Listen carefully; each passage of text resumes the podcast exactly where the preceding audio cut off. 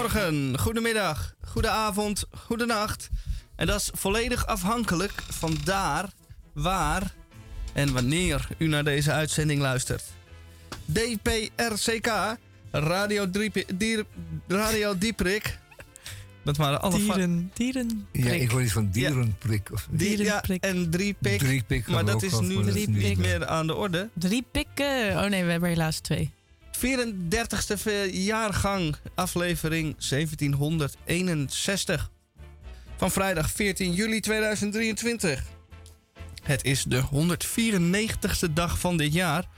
En wij hebben vandaag voor u een propvolle, bomvolle uitzending van 2 tot 4 uur in Groot Amsterdam en elders.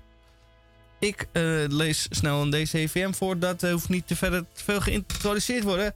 Dan hebben wij ook de Groene Amsterdammer met Tamon J. van Blokland. En hij heeft vorige week het krompraatwoord uh, posterij-examen gedaan. En ik denk dat het examen geslaagd is, want ik zie een uh, Groene Amsterdammer. Het klopt volledig.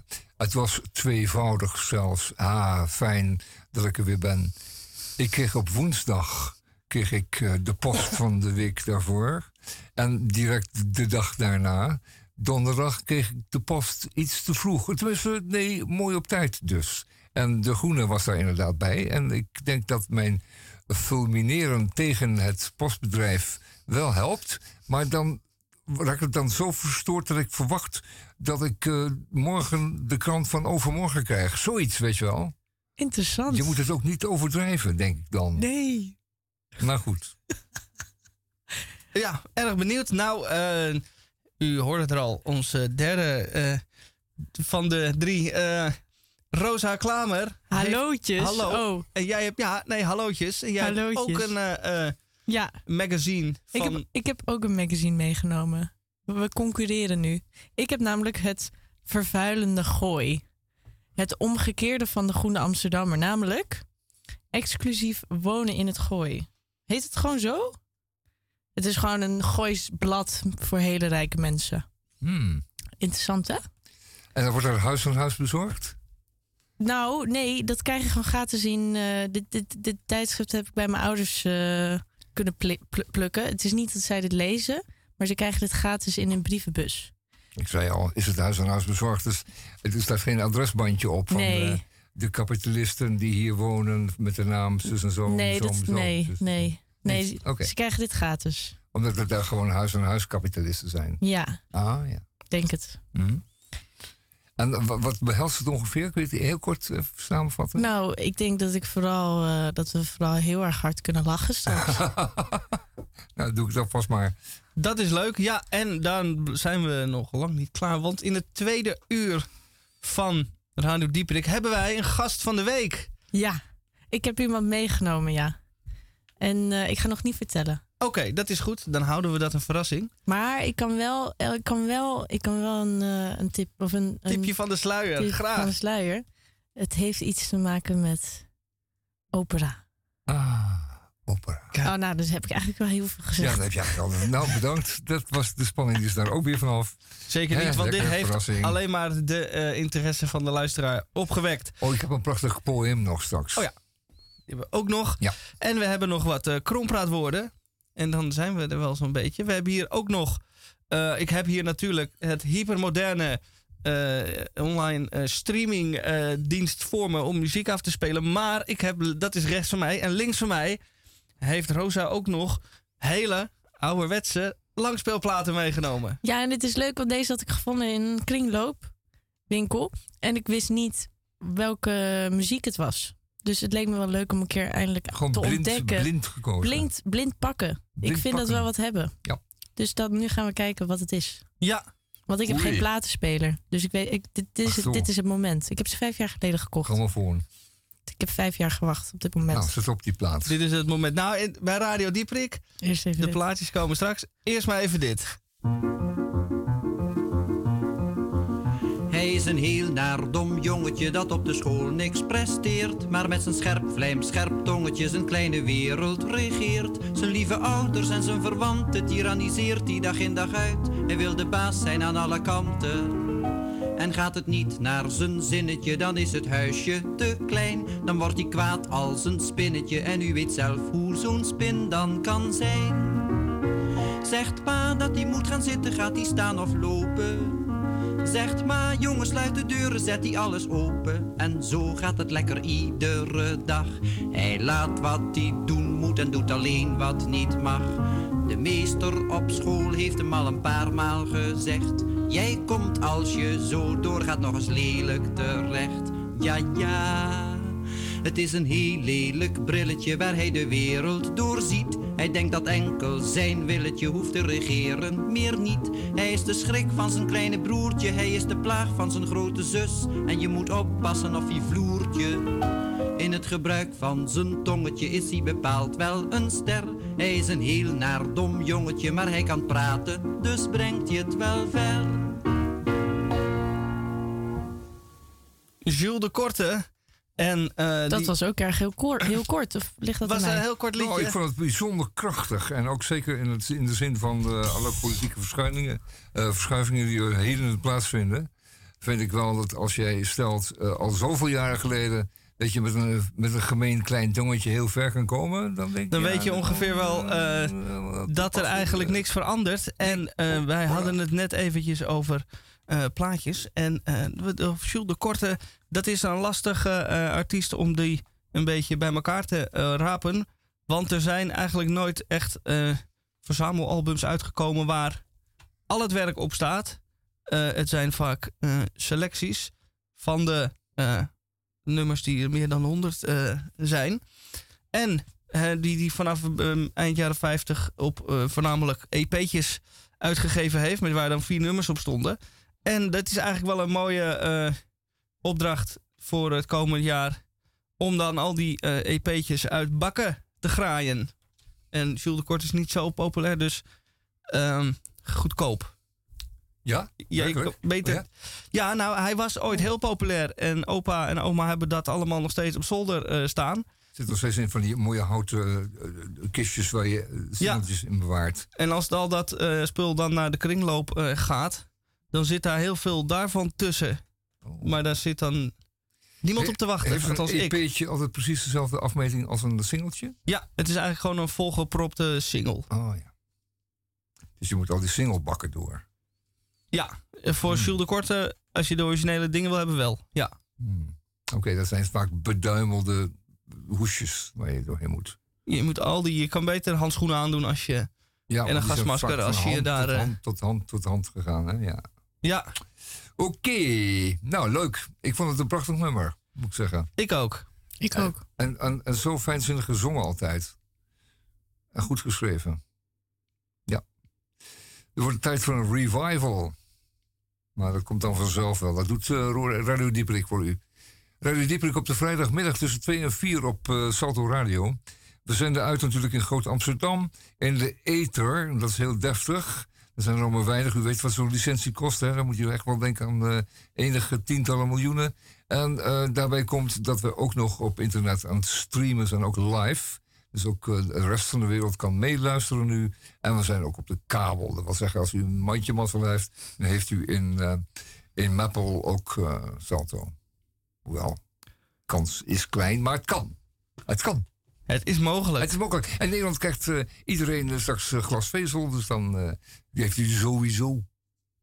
Want dan wordt de kabel werkelijk giga. Echt giga. Er zitten gewoon 600 stations op de kabel. Oké, was hem. Ja, dan verdrinken we door de... Ja, ja, ja, ja. ja. Ja, zeker. Ehm, Gaan we plaats spelen? ja, ja dat is leuk. eh, Speel eens een plaat. Nou, dan eh, pak ik ze er even bij. En dan vraag ik aan de. Welke beginnen we? Deze? eh, eh, wil jij die horen als eerste? Ja, die wil ik als eerste horen. De- deze pakte ik. Ehm, er staat een man op met een trompet in zijn handen. Hij is trompet aan het spelen op de foto. In het bos staat Golden Trumpet Tunes van Pete Rankin. En waarom ik deze had gekozen was omdat ik hem wel aantrekkelijker uit vond zien. En ja, ik hou heel erg van trompetten. Ik was vroeger heel erg verliefd op een jongen die trompet speelde. En, ah, dat gaat eh, nooit meer echt over. Dat gaat nooit echt meer over. Hey, en waarom staat hij in het bos? Omdat hij gewoon gehaat wordt door zijn buren. Daarom staat hij in het bos. Nou, dat gaat wel heel ver, maar ja, misschien. Ik denk dat hij in het bos zit omdat het gewoon een mooie achtergrond is. Steek de middelvinger daar maar op. Laten, Nou ja, we, laten we deze maar gewoon spelen. Ja, Pete Rankin. Pete Rankin.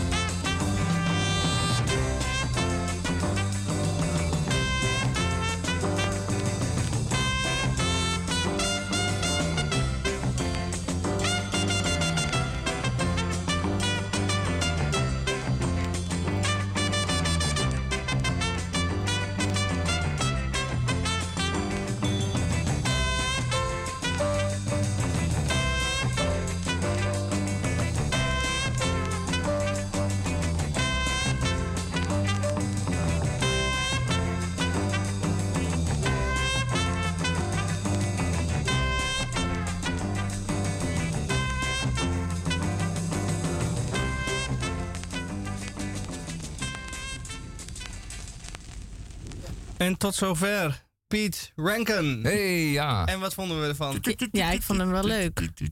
Maar ik, ik, ik, ik, ik, ik baal er wel van, want ik zei we moeten deze kant doen omdat ik wil- wilde La Bamba horen. Maar dat is natuurlijk dat hele bekende nummer. ik dacht dat wordt een grappig nummer, maar dat.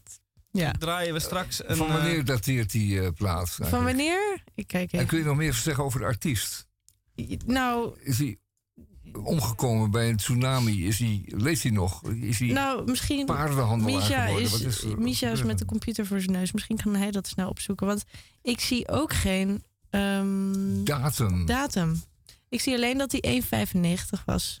En, ja, dat is te doen. en, en eh, dat je hem in de V&D kon kopen. VND. Een oud stickertje. Ja, ja, ja, ja. ja, V&D is ook best wel oud, toch? VND is best wel oud, ja. Ja. Roos, voor jou, eh, mensen van jouw leeftijd is de VND best wel Zo oud. oud dat het zelfs Ja. niet meer bestaat. Ja, Ja. het is werkelijk vorige eeuws bijna. Nou, ik heb de V&D wel meegemaakt. Ja, ja, natuurlijk heb je die meegemaakt. Ja. hè. Die is pas een paar jaar geleden omvergevallen. Ja. Maar, Zo eh, eh, wat- jong wat- ben ik kun je nou ook nog iets niet. van zeggen van zo'n biografie? Is hij afkomstig Nee, uit, nou, er een, staat helemaal niks uit, op. een, uit een woonwagenmilieu? Of is, staat van helemaal een- niks op. Is, het, is het een kernfysicus? Die, Ik heb die geen idee. Ik hoop eh, dat Misha... Ik hoop dat... Ja. Misha, heb jij wat gevonden? Nou, ik, eh, deze man eh, hult zich in eh, onduidelijkheid. Ik kan, het enige wat ik kan vinden eh, is dat die plaat eh, bestaat. Eh, dat is het enige wat hij eh, heeft uitgegeven. Ah, Hij ehm, heeft verder eh, eh, ook op eh, cassette nog uitgegeven. Eh, maar het welk jaar, dat staat hier dan weer niet bij. Dus het is... het is, het is, het is niet. We bekend. mogen van Het is, het een is beetje- een geheim. 70er, Het is 80er mysterieus. jaren. Hij, is, hij oogt daar nog heel jong, of niet? Ja. Daarom vond ik hem zo aantrekkelijk. Oh ja. Oké, begrijp ik hoor, Roos. Het is je vergeven. Goed, Ik denk ehm, een beetje mijn leeftijd. Ja. Ja, ja, ja, Maar dan met een trompet. ja, met een trompet. ja. Oké. Eh, Gaan dan we- waarschijnlijk, iemand met een trompet kan waarschijnlijk ook heel erg goed zoenen, zou je niet denken? Ja, denk het wel. Geoefende lippen. Oké. Het is om en nabij kwart over twee. En dan bent u van ons gewend uh, de sonore stem van Tamon J. van Blokland te horen. Die hier uh, met de Groene Amsterdammer en de Nieuwe Amsterdammer voor zijn snuffert zit. En hij is daar doorheen uh, gaan snuffelen.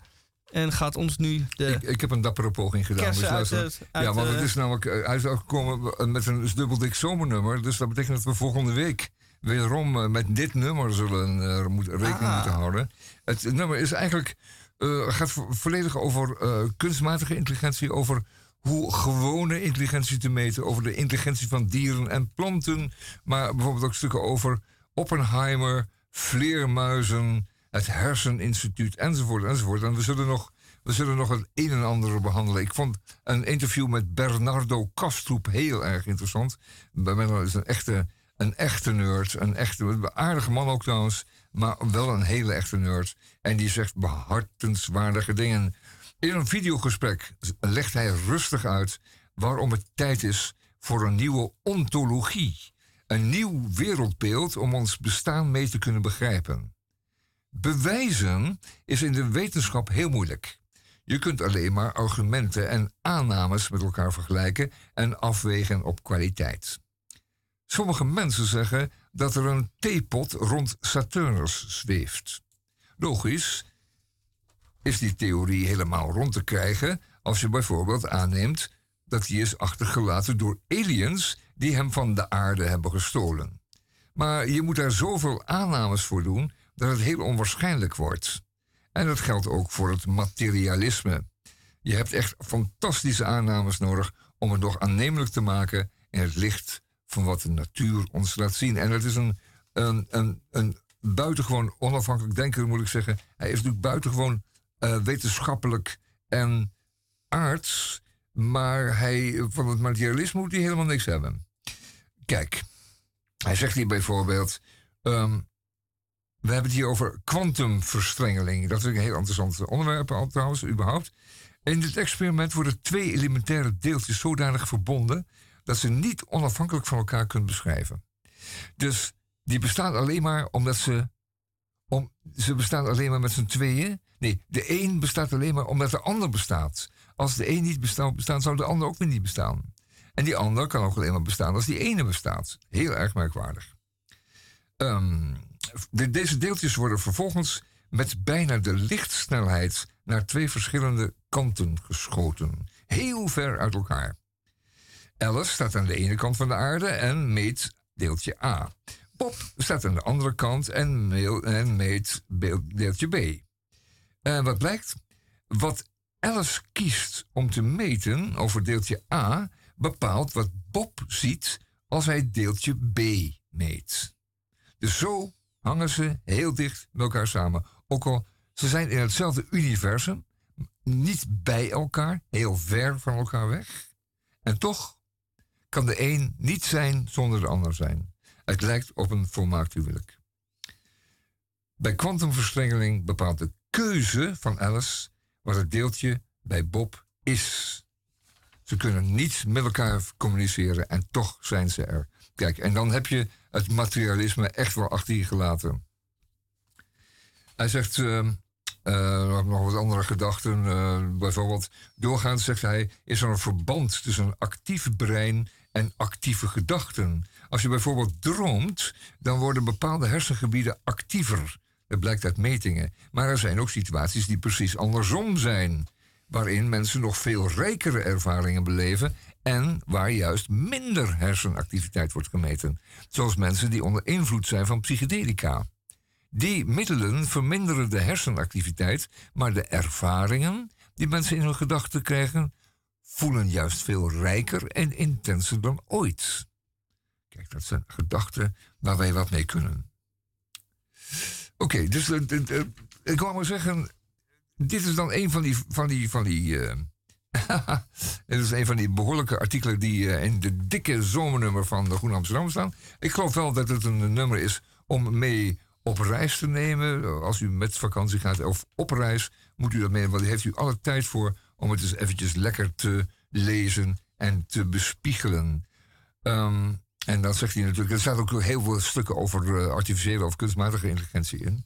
En alles bij elkaar zegt hij um, ook wel, hier zegt Kastrup ook over AI wel wat ware dingen. Het volgende. AI, zegt hij, is heel praktisch om problemen mee op te lossen. Ze kunnen AI trainen om borstkanker te herkennen op scans. Op basis van veel meer plaatjes dan een arts ooit zou kunnen verwerken. Maar antwoorden op de grote vragen van het leven? Nee, natuurlijk niet. Er komt wel een antwoord, maar het is altijd zonder zelfinzicht. Het zijn herverpakte antwoorden van anderen.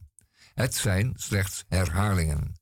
En dat is het verschil tussen intelligentie en inzicht. Ja, dus AI, artificial intelligence, gaat over intelligentie en niet over inzicht. Als u zich dat nu herinnert, dan bent u al een stapje verder. En uh, dat zegt hij, nou heeft hij nog een mooie uitsmijter. Daar eindig ik dan ook mee. Ik denk dat dit soort ideeën vaak voortkomen uit innerlijke projecties van mannen. Baarmoedernijd noem ik dat.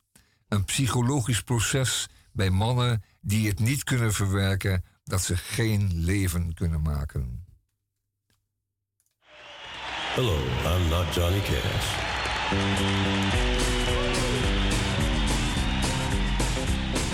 I'm a Barbie girl in a Barbie world.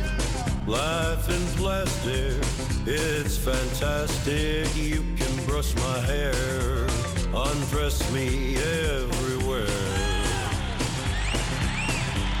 Oh, come on, Barbie, let's go party, cause I'm in a Barbie world. if you wanna be my lover, you gotta get with my friends. Make it last forever. Friendship never ends. Up in my hands, up to playing my song. The butterflies fly away. Yeah, yeah, yeah. It's a party in the USA.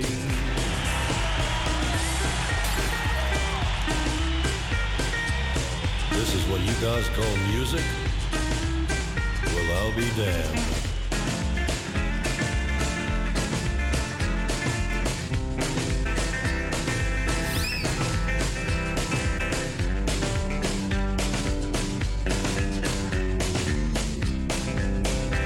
They free me from this AI, if my voice was only mine, I bet I'd move it on a little farther down the line.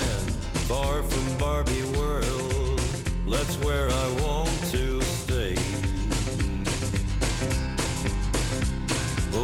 on, Barbie, let's go party and take my blues away.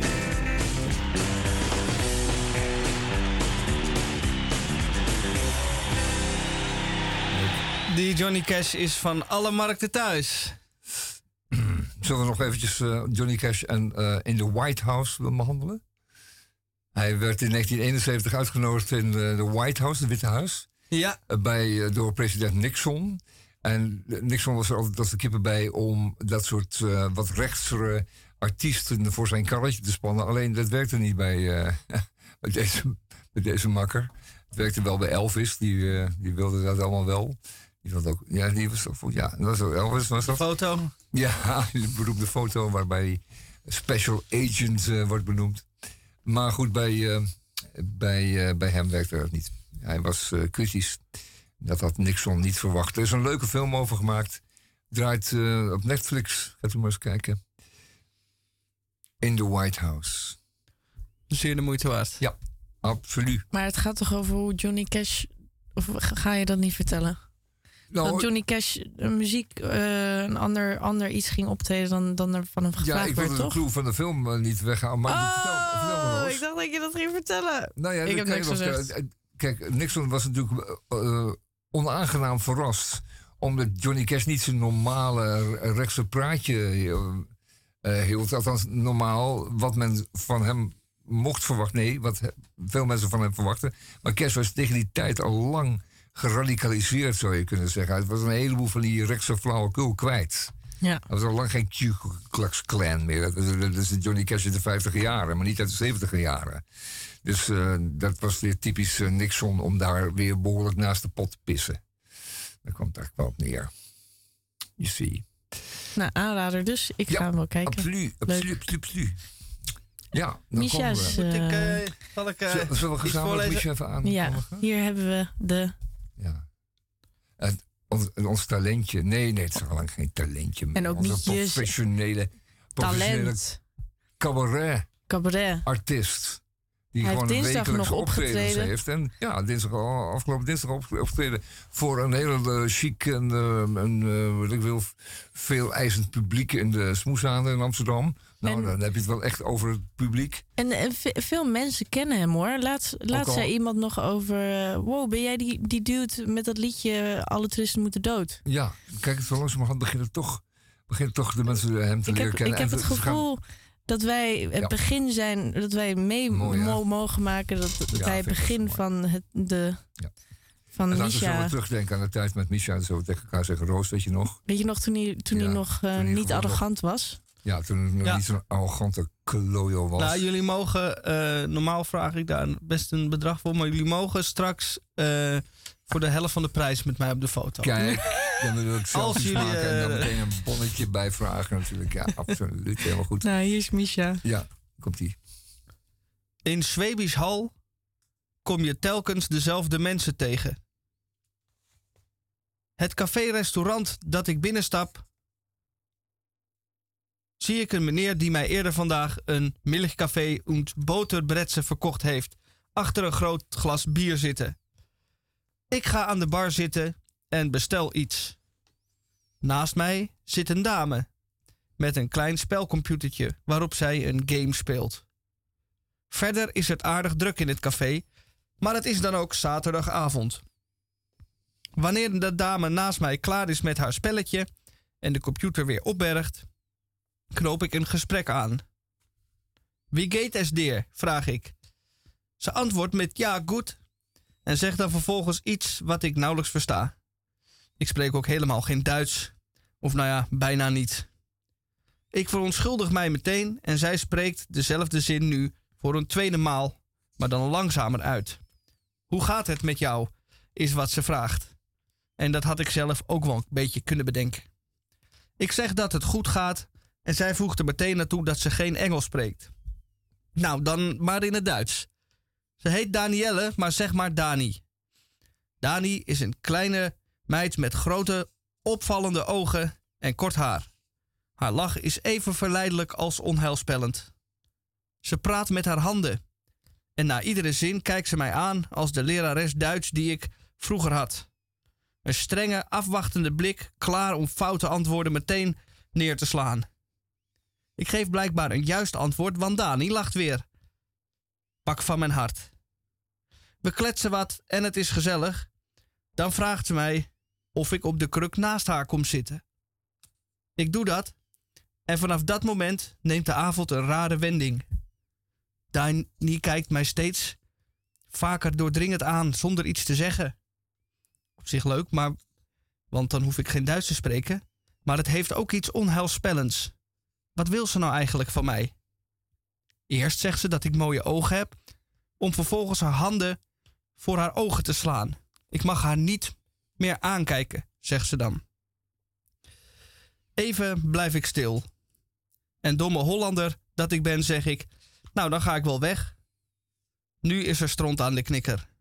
Ze is boos.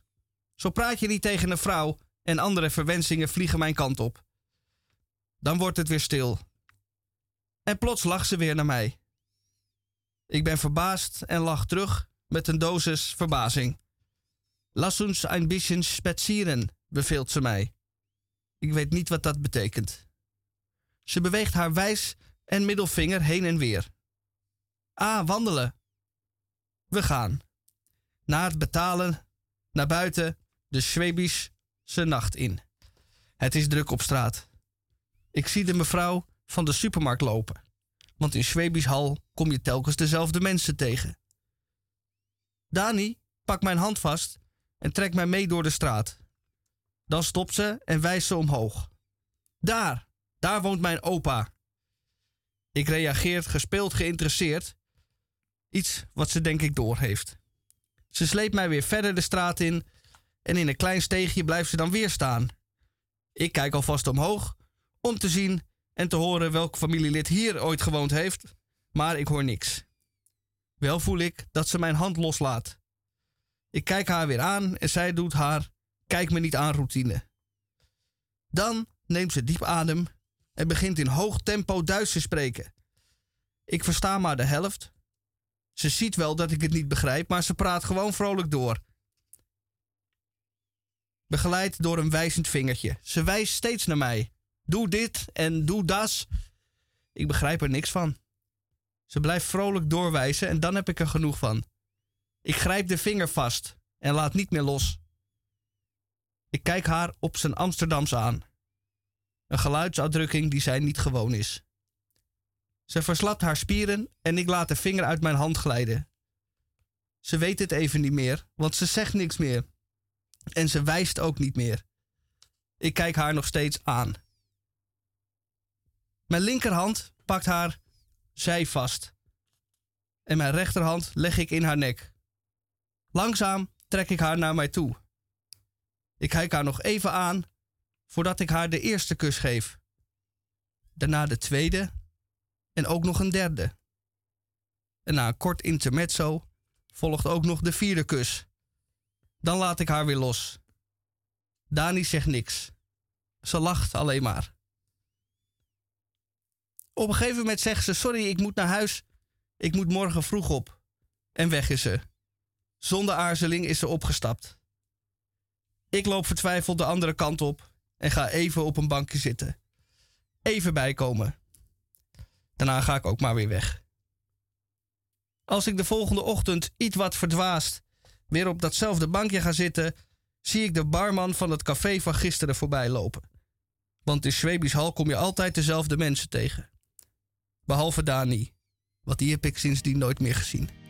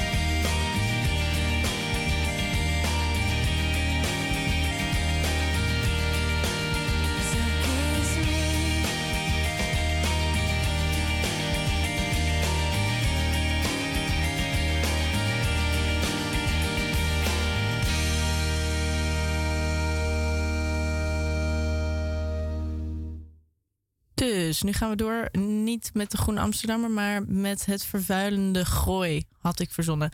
Het omgekeerde dan eh Groene Amsterdammer. Namelijk, dit blad eh, schrijft over alle luxe dingen die je kan hebben en die je kan kopen. En de vraag is, mijn grootste vraag is, wat, wat heb je eraan? Bijvoorbeeld hier, een artikel Dromen van badkamers. De nieuwe trend is gezellig, intiem en warm. Terwijl dan kijk ik ernaar en dan zie ik eigenlijk een soort grijs steen. En dat is het. Het is gewoon, het is, ik vind het een, ehm, een blad dat, dat, daar waar ik heel erg hard om kan lachen. Ehm, hier ook eh, heeft iemand een, een artikel geschreven over, over de Ferrari. Over een speciale Ferrari. Ik weet even niet welke. Wacht even. Het is een chique donkerblauwe Daytona. En, en hoe die erover schrijft vind ik wel grappig. Ehm, dit is anders. Dit is emotie. Gas geven in een Daytona is, alsof, is alsof je een wild dier op zijn staart trapt. En dan denk ik, oké, maar het is toch maar een auto. En nee, maar daar is hij dan al bij mij voor. Want dan staat hier ehm, moeilijk onder woorden te brengen. Maar mijn lieve vrouw kan dat als geen ander relativeren. Als ik naar super, superlatieve zoek, zonder te willen overdrijven, zegt zij: Het is maar een auto. Dat dacht ik dus ook. Eh, en laat dat nou net de crew zijn. Geen enkele Ferrari is zomaar een auto en een 3, 365 GTB Daytona al helemaal niet. Ja, ik weet niet. Het is niet mijn soort tijdschrift. Ik, ik had net, net allemaal toen de liedjes aan het spelen waren, hele grappige dingen uitgehaald. En toen kon we heel erg hard lachen. Maar ik ben er eigenlijk al helemaal klaar mee. Ik ga hem hier neerleggen. En ik ga, ik ga er niet meer naar kijken. Ehm, over auto's gesproken. Ik eh, moest vandaag eh, de, de Prius van mijn vader door de carwash laten. Dat is ook wel leuk. Ehm, de Prius, je hebt er zeg maar sommige mensen die hele dure, mooie auto's kopen. En je van mijn vader die een Prius heeft met ook nog alle deuken van de afgelopen tien jaar erin. Het is gewoon een verschil in mensen toch wel. Sommige mensen vinden het heel belangrijk hoe ze eruit zien en wat ze hebben. Sommige mensen interesseert het hun geen kut. Ja, ik ga niet zeggen wat beter is. In ieder geval, ik ging naar de carwash. En ik realiseerde me dat ik vroeger altijd super bang was voor de carwash. Ik vond het ontzettend eng. Toen kwam ik erachter, dat was ik helemaal vergeten, had ik ergens weggestopt, dat ik voor heel veel dingen bang was. Ik was bang voor de trein. Ik vond dat de trein veel te soepel reed. Het kon niet kloppen. Ik dacht, dat moet toch met iets botsen. Daar was ik heel erg bang voor. Dan kon ik echt de hele treinreis een verstikkend gevoel hebben. Ik was bang voor Amsterdamse huizen. Ik dacht altijd dat ze op me zouden vallen.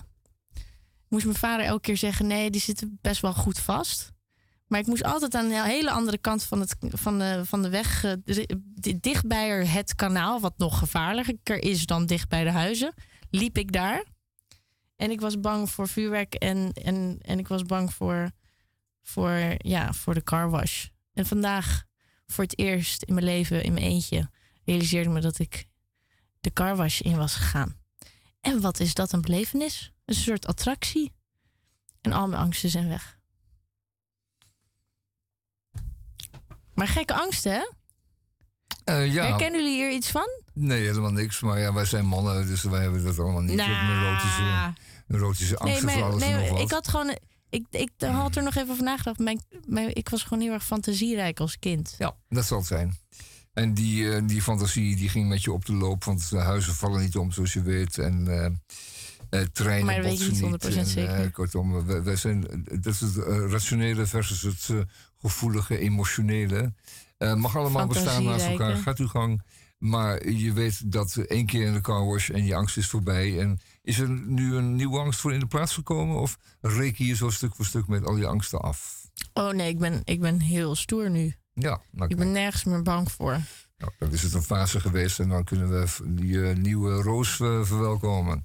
Ja, had, het, had deze oude auto nog wel zin om gewassen te worden? Of is het een kwestie van toch eventjes een dikke laag zand eraf eh, spoelen.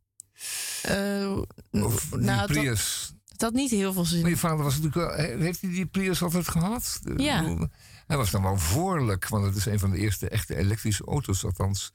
Eh, ja, nee, ja. Die, is, die, sta- die is- heeft hij al best wel lang. Dus de auto waarvan men zegt, het is geen auto, maar het is een lunchbox. Een, een, Ja. een boterhammetje. Maar we hebben, we- het grappige is, mijn vader heeft één en nu heeft mijn moeder er ook één. Precies jullie- in dezelfde kleur. Oh juist. En mijn moeder is achternaam is Prins. Dus Mhm. nu worden we de familie Prius genoemd. Heel veel mensen lachen ons ook een beetje uit dat we Ja. die twee Priussen zo voor Prius het op het Maar ik vind het heerlijke auto's. Kijk, daar, daar zouden die eh, kakkers een eh, artikel over kunnen schrijven. Over de Prius. En niet over de Daytona 385 eh, GTA's Ferrari. Goed, ehm, dat blad is natuurlijk niet bedoeld om die, ehm, laten we zeggen, die auto's en die vliegtuigen aan de man te brengen. Maar het gaat over, het is een sfeermaker. En als je door, door het blad bladert, dan zal je opvallen dat er natuurlijk een heleboel eh, advertenties eh, in staan die voor spullen die wel bereikbaar zijn. Parfums, horloges, eh, beddengoed, eh, eh, noem nog het meubilair. Wat wel bereikbaar is voor de gewone wat rijkere, middelrijke, middelrijke jup. En dan, is dan snap je ook wel waarom zo'n blad bestaat. Hè? Dan begrijp je dat ook wel. En een, een, een artikel over Ibiza gaat natuurlijk gewoon over de sfeer. Het naar Ibiza kunnen gaan. En dat is voor Jan Alman weggelegd. Want je komt met Ibiza kun je natuurlijk ook voor 200 piek kun je ook naar Ibiza. All in. Ja, Dus snap je? ja, Het, maakt, het maakt het onbereikbare bereikbaar. Dat is aantrekkelijk aan. ja. Dus ik zie jou nog wel in het Daytona rijden als je van je Prius eh, genezen bent. We gaan draaien ehm, uit de fantastische collectie van, eh, Van, van Roos. ja, want ik had er weer iemand gevonden. Ik had eh, de best of Jackie Davis. Ja, de We beste. wisten alle drie Davis. niet wie het is. Nee. Ehm, ik ben wel benieuwd.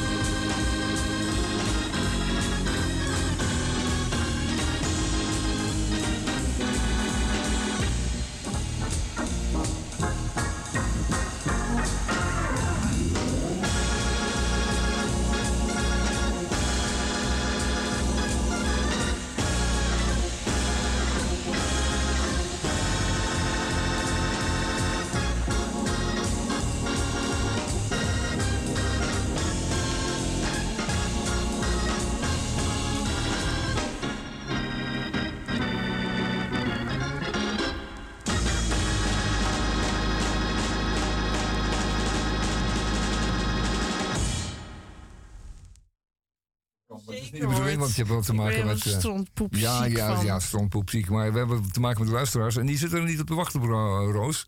Die willen iets gezelligs hebben op de vrijdagmiddag. Dit was een Hammond-orgel, dit was een Forviese-orgel, dit was een... Wat is het voor orgel? En wat is het eigenlijk voor orgel? En dit komt uit Elektrische. 1970. Ja, het is een elektrisch orgel. Hadden de mensen dit thuis staan? Dit soort orgels toen massaal? Ja, ik geloof wel. Is een hoorde- elektrische orgel net zo... Die is toch niet zo groot, lijkt mij? Hoe groot ik- zou dat zijn? Nou, nee, dat heeft niets dat met de grootte te maken, maar met techniek is het ene...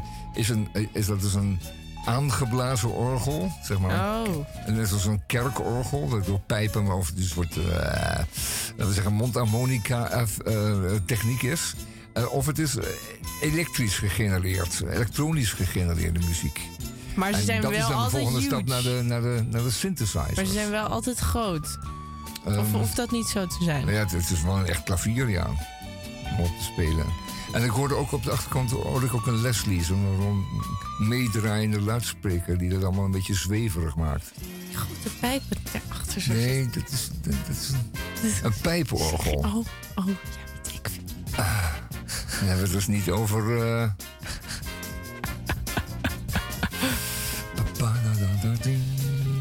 Gaan Juist. we... iets- De- deze muziek eh, kent u wel. Ja. Dit is namelijk de muziek van de Krompraat. Oh. Twee woorden in één in Krompraat. En ik heb hier vier woorden. Maar misschien kunnen we één woord eh, eh, eh, even eh, bewaren. Dus dan hebben we nog drie woorden. Nog eentje reserve voor de gast? Ja. Oh ja. ehm, nou, we hadden het leuk. net over ehm, auto's. Auto's, ja. Auto's, ja, je mag niet auto's zeggen. Nee, we zeggen geen auto. we zeggen auto. Auto. We hadden het net over auto. Ja. Auto. En, eh, Waarom is dat? Waarom is dat? Waarom mag je niet auto zeggen? Omdat het automatisch is en autonoom. En eh, het, is, het is Frans, hè? Dat is O. Ja, het is Frans, hè? Maar we zitten in Nederland. Ja, we zeggen geen auto. Want de auto doet zeer. Auto. Nou, hoe het ook zij. Auto. eh, ik heb hier een één woord. Ik denk dat ik hem aan Tamon geef. Ah. Grand Prius. Grand Prius. Ja. Ah, ja. Ik wil, ja, nee, ja, jawel. Had jij het willen doen? Ah, Rosa. Dan gaat de Grand Prius. Ik dacht net een, eh, een teken van eh, eh, te zien. Dus ik denk, ik geef hem aan Tamon. Maar ik, ik heb ook nog een andere leuke voor Tamon. Ja, dat doe ik dan wel. En dan mag zij de Grand Prius doen. Wat dacht je van grindpatser? Grindpatser. Ja. Oh, maar dat is ook heel duidelijk. Een grindpatser, ja zeker.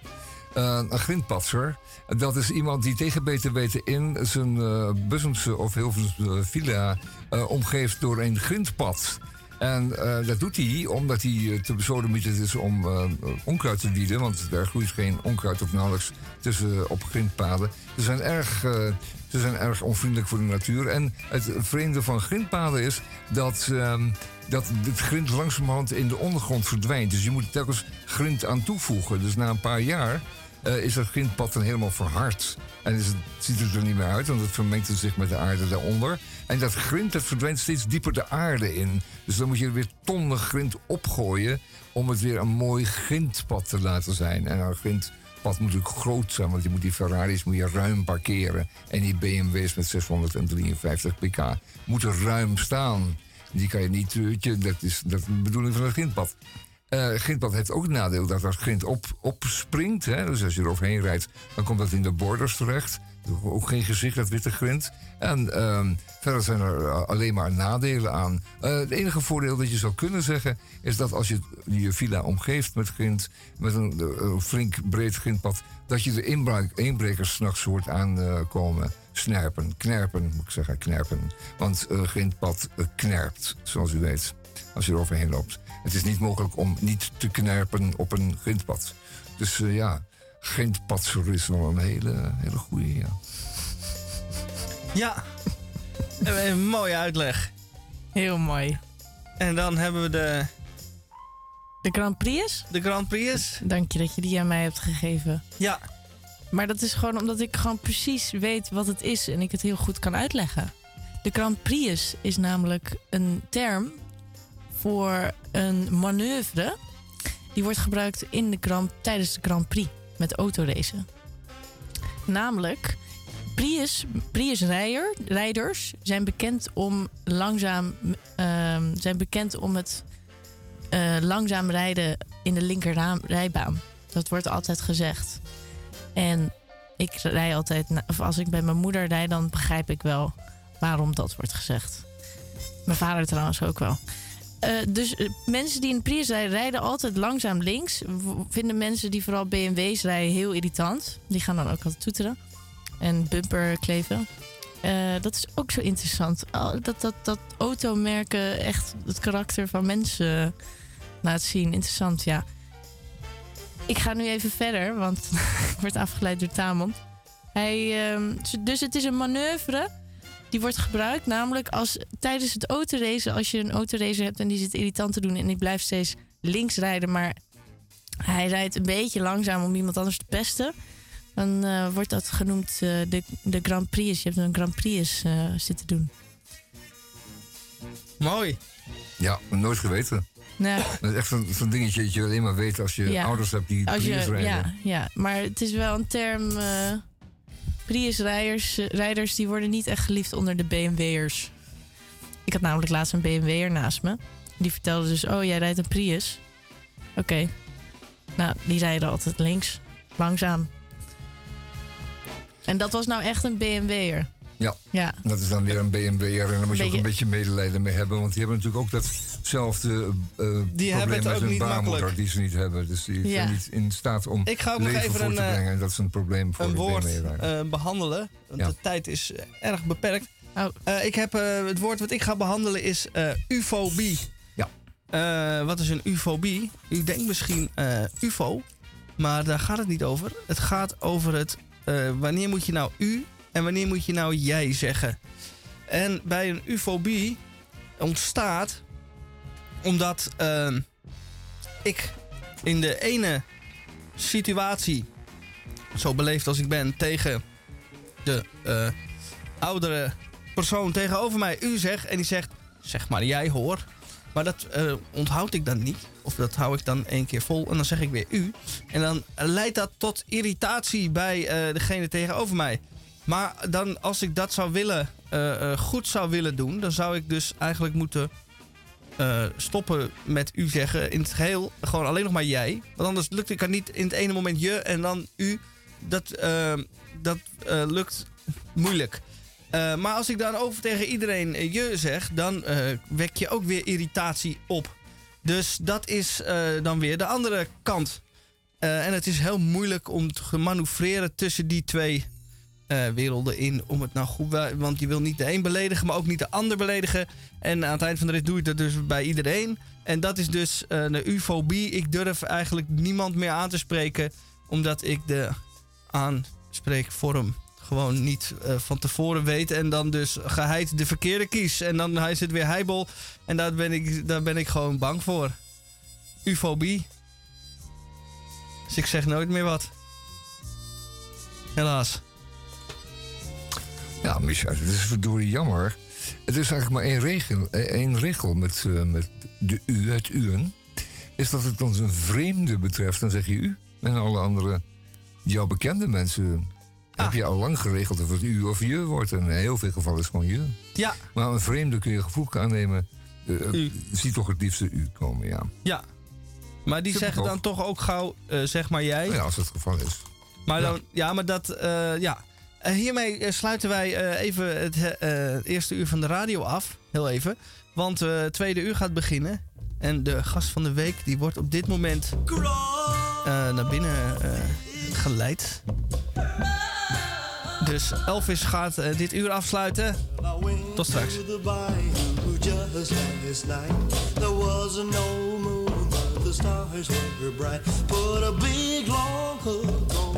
Big long pole, and I pulled Mr. Crawfish out of his hole.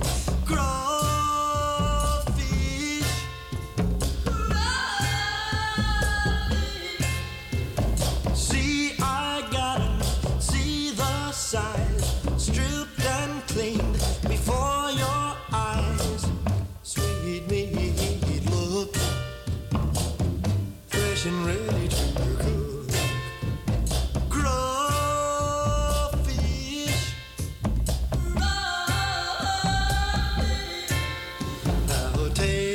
Mr. Crawfish in your hand. He's gonna look good in your frying pan. If you fry him, Chris, or you boil him right, he'll be sweeter than sugar with every bite.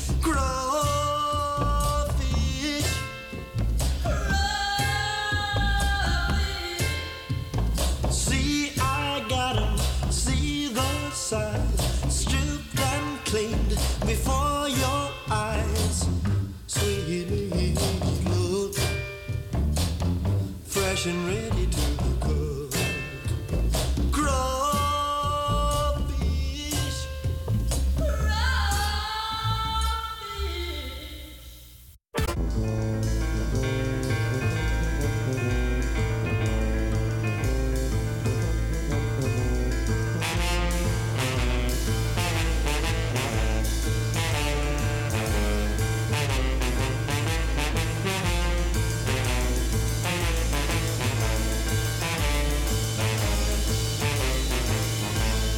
Goedemorgen, goedemiddag, goedenavond, goedenacht.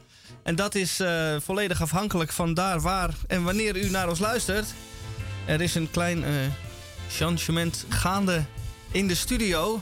En dat heeft alles te maken met eh, de gast van de week, die Rosa heeft meegenomen, die net binnengekomen is. Tromgeroffel, wat is het nou? Wat is het nou? Wat ik, is zei, het nou? ik zei opera. Het is, ik zei opera. Wat, wat zou het dan zijn? ja, Elisa, vertel maar. Hallo, ik ben Elisa en ik ben operazangeres. Ja, dat is op zich misschien wel te verwachten. Hoe oud ben je ook weer, Elisa? Ik ben 22 jaar. Ja, ik vind dat altijd zo cool. Zo'n jonge vriendin van me die eh, operazangeres is. Dat Ja. is zeker cool. En we gaan het dus daar ook over hebben. Zou, zullen we daar gewoon tegelijk mee starten? Of hebben we nog iets anders te Dat is vertellen? goed. Ja, nee, Ja? laten we meteen eh, met de deur in huis vallen. Want Elisa, jij bent nu afgestudeerd, hè? Net. Ja. Ja. Ja. het is nog best vers hoor. Anderhalve maand of zo. Maar het voelt goed. Ja. Nou, ik heb het gezien. Ja. Het was ook heel goed. Oh, thanks. Ja, het was superleuk. Rosa was erbij. Ja, ze had een 9,5. Dat, dat vind ik goed klinken. Dat eh, kan eh, haast niet beter. Ik heb er namelijk niet zo heel veel verstand van. Maar als je, ja, als je 9,5 hebt, dan... eh, hoe voelt dat nu als je nu afgestudeerd bent? Ja, wel lekker. Ik eh, denk dat ik nu mezelf ook wel eindelijk serieus kan nemen als zangeres. Gewoon van, oké, ik kan dat nu ook echt zeggen. Hallo, ik ben Elisa en ik ben zangeres. Ja, dat is nu gewoon zo. Ja, dat lijkt me ook wel lekker. En je gaat nu iets anders doen ook? Ja. gaat- of nou, iets anders. Een beetje dezelfde natuurlijk. Ja, ik ga nog een, eh, een master doen. Ook eh, aan het Conservatorium van Amsterdam en het Koninklijk Conservatorium in Den Haag. Die hebben samen een master en dat heet de Dutch National Opera Academy. Dat is een. eh, Klinkt chic. ja, dat is ook best wel chic. Ehm, En dan gaan we allemaal opera-producties doen. En ja, dat wordt heel leuk. Daar heb ik echt super veel zin in. En waarom sprak jou dat aan? Om te doen? Nou, ik heb, nou, je mag je best weten, ik heb echt zo'n levenscrisisjaar achter de rug. Ik wist gewoon niet wat ik verder wilde doen. Ik wilde eigenlijk heel graag naar het buitenland. Ik dacht eerst aan Wenen, toen dacht ik nee, Duitsland. Ze wilde liefde volgen. Dat is niet waar. Oh, is dat niet waar? Ja, dat denk jij. Dus Maar- ik heb zo'n romantisch beeld gewoon bij opera. Sorry hoor. Het is ook heel romantisch, maar het is ook heel hard werken. Ja. En, ehm, maar de eerste van alle audities was in Amsterdam. Dat was voor de Opera Academy. En ik dacht, ik ga dat gewoon doen, want sowieso is dat heel goed. En dan zou ik bij mijn docent kunnen blijven, mijn zangdocent. En toen werd ik aangenomen. En er zijn maar zeven mensen aangenomen. En er overal vandaan mensen auditie gedaan. Dus dat was sowieso al helemaal dat ik dacht, oh, ik ben aangenomen. Wat goed. Dus dit is ineens inderdaad echt een optie om te doen. En toen eh, ging ik verder nadenken. Toen, dacht ik, toen heb ik ook auditie München. dacht ik, nee, ga ik gewoon niet doen. Ik wil liever in Amsterdam blijven dan naar München. Dus waarom zou ik dan die auditie doen? Dus uiteindelijk heb ik alle andere audities afgezegd. Ben ik gewoon, blijf ik gewoon hier. Terwijl ik juist het gevoel had dat eh Tamel komt net binnen. Tamel, hoi, dit is Elisa. Dag Elisa. Hallo. Hallo. En eh, ik had juist een beetje het gevoel dat jij eh, het een beetje het buitenlandse te pakken kreeg. ik Ja, had het dat dacht jij ik ook, vertelde ja. over hoe heerlijk je het had in het buitenland. En dat je het wel een beetje gehad had met Amsterdam. Ja, dat klopt ook. Dat dacht ik ook echt. Maar deze opleiding is zo goed, deze academie, dat ik gewoon met de, ook de mensen om me heen heb gepraat. En die zeiden gewoon van ja, dat is wel echt. Het is heel goed als je dit doet. Dan ben je zo meteen 24 en dan heb je al een academie gedaan. En dan, dan kan je gewoon echt doen wat je wil daarna. Dan komt dat buitenland, komt echt. toen dacht ik, ja, dat is ook wel waar. En dat is ook wel fijn dan om gewoon nog een beetje in een soort veilige omgeving met mensen die ik echt vertrouw. Dus de docenten met wie ik al lang werk. ehm, om, om daar nog mee verder te gaan en, en het nog gegronder en nog meer uit te bouwen. Zodat ik inderdaad over twee jaar gewoon echt helemaal klaar ben om whatever te gaan doen. Wat er dan ook op mijn pad komt. Want hoe maak jij keuzes? Maak jij keuzes in de zin van... eh, ik ga nadenken wat goed is voor om een echte goede operazangeres te worden? Of denk je na over wat wil ik nou echt? Ja, dat is ook best wel lastig. Ehm, een beetje allebei natuurlijk. Ik, ik weet niet. Ik had heel erg het gevoel van... ook ik vind dat heel leuk om dan een nieuwe taal te leren... en een nieuwe cultuur te zijn. Dus dat, dat speelde ook heel erg mee. Maar toen eh, kreeg ik ook een nieuw huis in Amsterdam... en toen voelde dat ook wel weer heel goed. Dus het, is, het gaat natuurlijk altijd hand in hand. Maar ik denk gewoon in de fase waar ik nu in zit... is ja, dat zingen en dat, die carrière daarin is voor mij zo belangrijk... dat ik wel veel keuzes maak op basis van wat daar het beste voor voelt... Ehm, waarvan ik denk van, oh ja, daar heb ik het meest aan of daar heb ik het meest zin in om dat allemaal te gaan leren. En ja, dat was uiteindelijk dus de, de Opera Academie. Terug even naar opera. Ik ben wel benieuwd, weet jij nog wanneer je voor het eerst opera hoorde en wat voor gevoel je toen kreeg? Ja, dit is best een leuk verhaal. Ehm, toen ik twaalf was, nou, ik, ik ging op zangles toen ik zeven was, maar dat was meer een beetje zo. Dit hebben we niet van tevoren geoefend. Leuk dat je dat hier een eh, verhaal op hebt. Wat tof. Oh ja, ik heb altijd een verhaal, Rosa, je kent me. Moet dat? Moet dat als je operazangeres wordt? Dan Oh, dit verhaal heb ik wel echt al heel vaak verteld. Ja, dat dacht ik al. Oh, kut, ik dacht, maar het is nog steeds een goed verhaal. En, en jullie kennen het nog niet. Dus nou, toen ik zeven was, toen ging ik op zangles. Ik had eerst een tijdje viool gespeeld bij mijn moeder, want die is violiste. En dat, nou, dat werkte gewoon niet zo goed. Dus toen heeft ze me bij haar collega gebracht, de zangdocent. En toen ehm, begon ik een beetje te puberen. Nou, het was niet heel heftig hoor, maar ik, ik wilde stoppen met balletles en stoppen met klassiek zangles toen ik twaalf was. En toen ging ik naar, eh, toen ging ik op popzangles. Dat leek me dan helemaal het. Ik ging ook in een bandje en zo. Eh, maar toen had ik me al opgegeven voor een kinderkoor van de opera Carmen. Die werd opgevoerd bij mij em, in mijn geboorteplek. Dat is eh Emmeloord. En, eh, en toen zei ik tegen moeder, nou dat wil ik dus nu ook niet meer doen. Zei ze, ja maar je hebt je al opgegeven, dus dat moet je doen. Dus dat heb ik gedaan en dat was zo gaaf. Nou, ten eerste, de opera Carmen is nog steeds mijn lievelingsopera. Dat is zo goed en zo feestelijk en, en, en sexy en, en leuk gewoon. Ehm, en dan om daar onderdeel van te zijn als twaalfjarige. En met allemaal andere kinderen, jonge mensen die, die het ook superleuk vonden. Toen dacht ik, oh ja. Dus heb ik een halfjaartje bij die popdocent uitgehouden. En toen zei ik tegen moeder, nou, ik ga geloof ik weer terug naar eh, Marjan Huytema, mijn oude docent. Maar wat is het gevoel dan? Ja, ik weet niet, er komen gewoon zoveel dingen samen. Dus die muziek is fantastisch. Maar ik weet niet of jullie dat herkennen, maar als ik in een concertzaal zit, bijvoorbeeld in het concertgebouw, geweldige zaal, en ik hoor die muziek, maar er gebeurt niks voor je, voor je ogen. Je ziet wel die mensen die zijn het allemaal heel goed aan het uitvoeren. Maar dat is zo leuk aan opera. Je, er gebeurt zoveel. Je ziet helemaal die muziek wordt uitgespeeld en de, ehm, de emoties worden heel erg beleefd op het podium. Ze zijn in kostuum. De, de verhoudingen tussen de mensen, ja, dat is gespeeld, maar het is ook echt. Ze, ze vinden elkaar echt heel aantrekkelijk. Of ze, dat, dat is, ja, het is gewoon heel erg een soort van uitvergroting van het echte leven. En er kan zoveel op het podium. En dat vind ik gewoon heel erg lekker. Herken je jezelf ook niet een beetje daarin? Want ik heb soms ook het gevoel als ik naar jou kijk, jij bent ergens ook heel theatraal in doen. Mm. De eerste keer toen ik jou ging zien optreden, toen, toen ging ik achteraf even naar jou toe. En toen was je helemaal over de bollen toen je bij zag. Oh, Rosa! En was je helemaal. Ja. En toen dacht ik van, oh wat heerlijk om zo begroet te worden. Maar misschien zit ik ook wel, misschien hou jij ook wel van dat dramatische, theatrale Ja. dingen zo aanpakken of zo. ik vind het heel lekker dat op een podium kan je alle gevoelens en alle uitingen heel erg doen. En daar, daar is niemand die je daar dan op beoordeelt van oh je bent te veel of je bent te theatraal. Nee, dat is de bedoeling. Dus als, ja, ik voel me wel vaak op een podium eigenlijk het lekkerst. Ook Ja. soms lekkerder dan in het gewone leven. Want dan wil ik daar ook wel wat over zeggen. Ik heb het gevoel dat heel veel mensen of helemaal gek zijn op opera, of het echt haten. Ja? Ja. Waar heb je dat gehoord? Nou, ik, ik heb zo mijn vogeltjes. Ja. Nou, gewoon sommige mensen die het niet snappen. Nee, die het gewoon niet echt denken van... oh, ik ga even lekker naar een opera. Zou je dat, zou je dat ergens begrijpen? Of? Nou, ja, kijk, er zijn natuurlijk zoveel verschillende soorten opera. En het genre is zo breed en er zijn zoveel tijden waarin de opera gemaakt is. Dus bijvoorbeeld een, een, een oudere opera, een barokopera, ja, dat kan wel gewoon soms saai zijn. Dat vind ik ook. Dan zit ik soms ook bij de stopera en denk ik, oh god, nog, nog twee actes. Ja, ik zeg dit gewoon. en, dus dat is dan, ja, dat is soms saai, ja. Maar dat ligt ook aan de regie en, en aan de zangers. Doen ze iets met die muziek of zingen ze het gewoon heel saai? Dat kan ook natuurlijk. Ehm, maar je, en je hebt ook bijvoorbeeld operette. Dat is, dat is een soort voorloper van de musical. Dus dat is een soort grappige opera. Ja, dat is, dat is weer heel. Dat vinden mensen ook soms vreselijk. Ik vind dat eigenlijk stiekem best wel leuk. Het is een beetje cheap, maar ja, ook wel weer heel grappig. En, ehm, en je hebt natuurlijk de hele dramatische Italiaanse opera's van Verdi, Puccini. Ja, die zijn muzikaal ook heel dramatisch, maar wel heel mooi. En die worden vaak ook heel mooi gezongen. En, eh, en dan heb je natuurlijk ook weer opera's van bijvoorbeeld Strauss.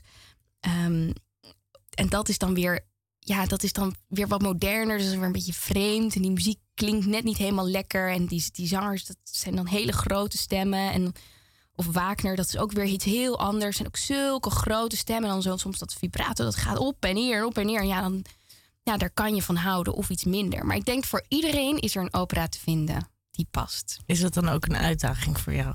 Omdat. eh, om, om, nou, als, in, ik, als ik naar jouw eh afstudeerpo- ehm, optreden denk, dan denk ik dat heb jij op een manier gedaan. Want ik moet eerlijk zeggen, voordat ik jou had ontmoet, had ik ook niet echt iets met de opera.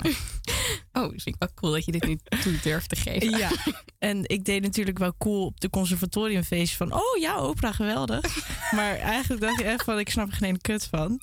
Ehm, maar bij je afstudeerproject merkte ik echt... jij, jij hebt er een, een, echt een show van gemaakt... Wat, waar ik me in kon mee inleven. Als in, ik, had, welk stuk had je? Ja, dus kan ik even vertellen. Ik had La Voix Humaine gedaan. Dat is een toneelstuk geschreven door Jean Cocteau. Eh, en Poulenc heeft dat op muziek gezet. Dus het is een, een monodrama. Het is een verhaal van één vrouw die aan de telefoon is, continu, met haar ex-geliefde. Maar we horen hem niet. Zij, het is alleen zij die spreekt. En zij wordt langzaam gek. En het is eh, zo dramatisch. En zij, zij, zij vervloekt ook die telefoon natuurlijk. Want hij, die- dat zit zo tussen hen in. En ze kan hem helemaal niet meer bereiken. En er zitten ook grappige elementen in. Van dat, dat de lijn dan weer verbroken wordt. Want het speelt zich af in de jaren twintig. Ehm, maar goed, eh, en ik had dat stuk genomen met orkest. Dus dat, was, dat is sowieso Ja, dat is heel sowieso leuk. heel leuk. Heel dan- gaaf ook hoe je al die mensen had dat zij dat gewoon voor je doen. Ja, Want dat- je betaalt ze niet, toch? Nee, dat, dat, Dat doe je vanuit liefde. Ja. Maar ja, je doet dat ook. En dan denk je van, nou, als ik zelf dan dat een keer nodig heb, hoop ik ook dat mensen dat voor mij doen. Dat, dat zit er Ja, maar dan moet je dan bij hoeveel mensen? 40, 50 mensen? Ja, ik denk dat we wel vragen? 45 ja, man op ja, ja. Dat, dat is toch wel. Ja. Ja, dat, daar, daar heb ik echt mijn leven aan gespendeerd afgelopen jaar. Ja. Dat was echt veel werk. Dus Maar goed. goed gelukt ook. Ja, gelukkig wel. En, ehm, maar in dat stuk, dus dat verhaal van die, van die vrouw aan de telefoon, had ik dan andere aria's en, en liederen ingevoegd. Ehm, die in een andere stijl waren, maar die qua tekst en qua verhaal dus wel pasten in, in die lijn van Jean Cocteau. En ehm, ja, dat, dat, dat vonden de mensen ook een beetje gewaagd. De jury daar had wel zoiets van, oh, nou, opgetrokken wenkbrauwen en zo. Want ik had dus ook een stuk van Bach, wat uit de Matthäus Persoon komt. Eh, ik wil dir mijn herzen schenken. Ja, dat gaat natuurlijk Ja. over God. Ik wil God mijn hart schenken. Maar ja, ik had het even helemaal uit de context gehaald en het gezongen alsof ik het voor hem zong. Nou ja, dat eh, ja, was misschien gewaagd. Ik vond het wel meevallen. Maar ehm, ja, eh, maar ik vind het interessant dat het, dat het jou dus wel iets heeft gedaan. Ook al had je dat Zeker. misschien niet verwacht. Zeker. En ik werd ook een beetje verliefd op je. Oh, Ja. lief. Ja, want je hebt dan die nachtjapon aan. Er zat een hele mooie nachtjapon aan. En de kimono. Je maakt Weet je nog dat we in dat van. café zaten en dat ik jou die foto liet Ja. zien van ik denk dat dit mijn kostuum wordt. Ja, dat was het toch geworden Ja, uiteindelijk. Dat ja. is hem geworden. Zullen we anders een stukje van eh Le Foi Humane laten horen die Elisa zelf heeft gezongen? Of... Ja, top.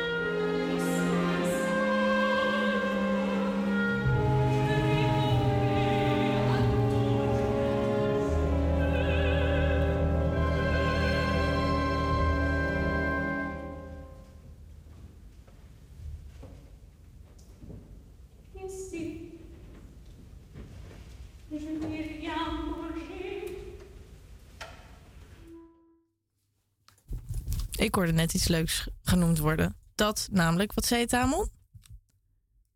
Wat zei ik dan? Wat zei je ook alweer?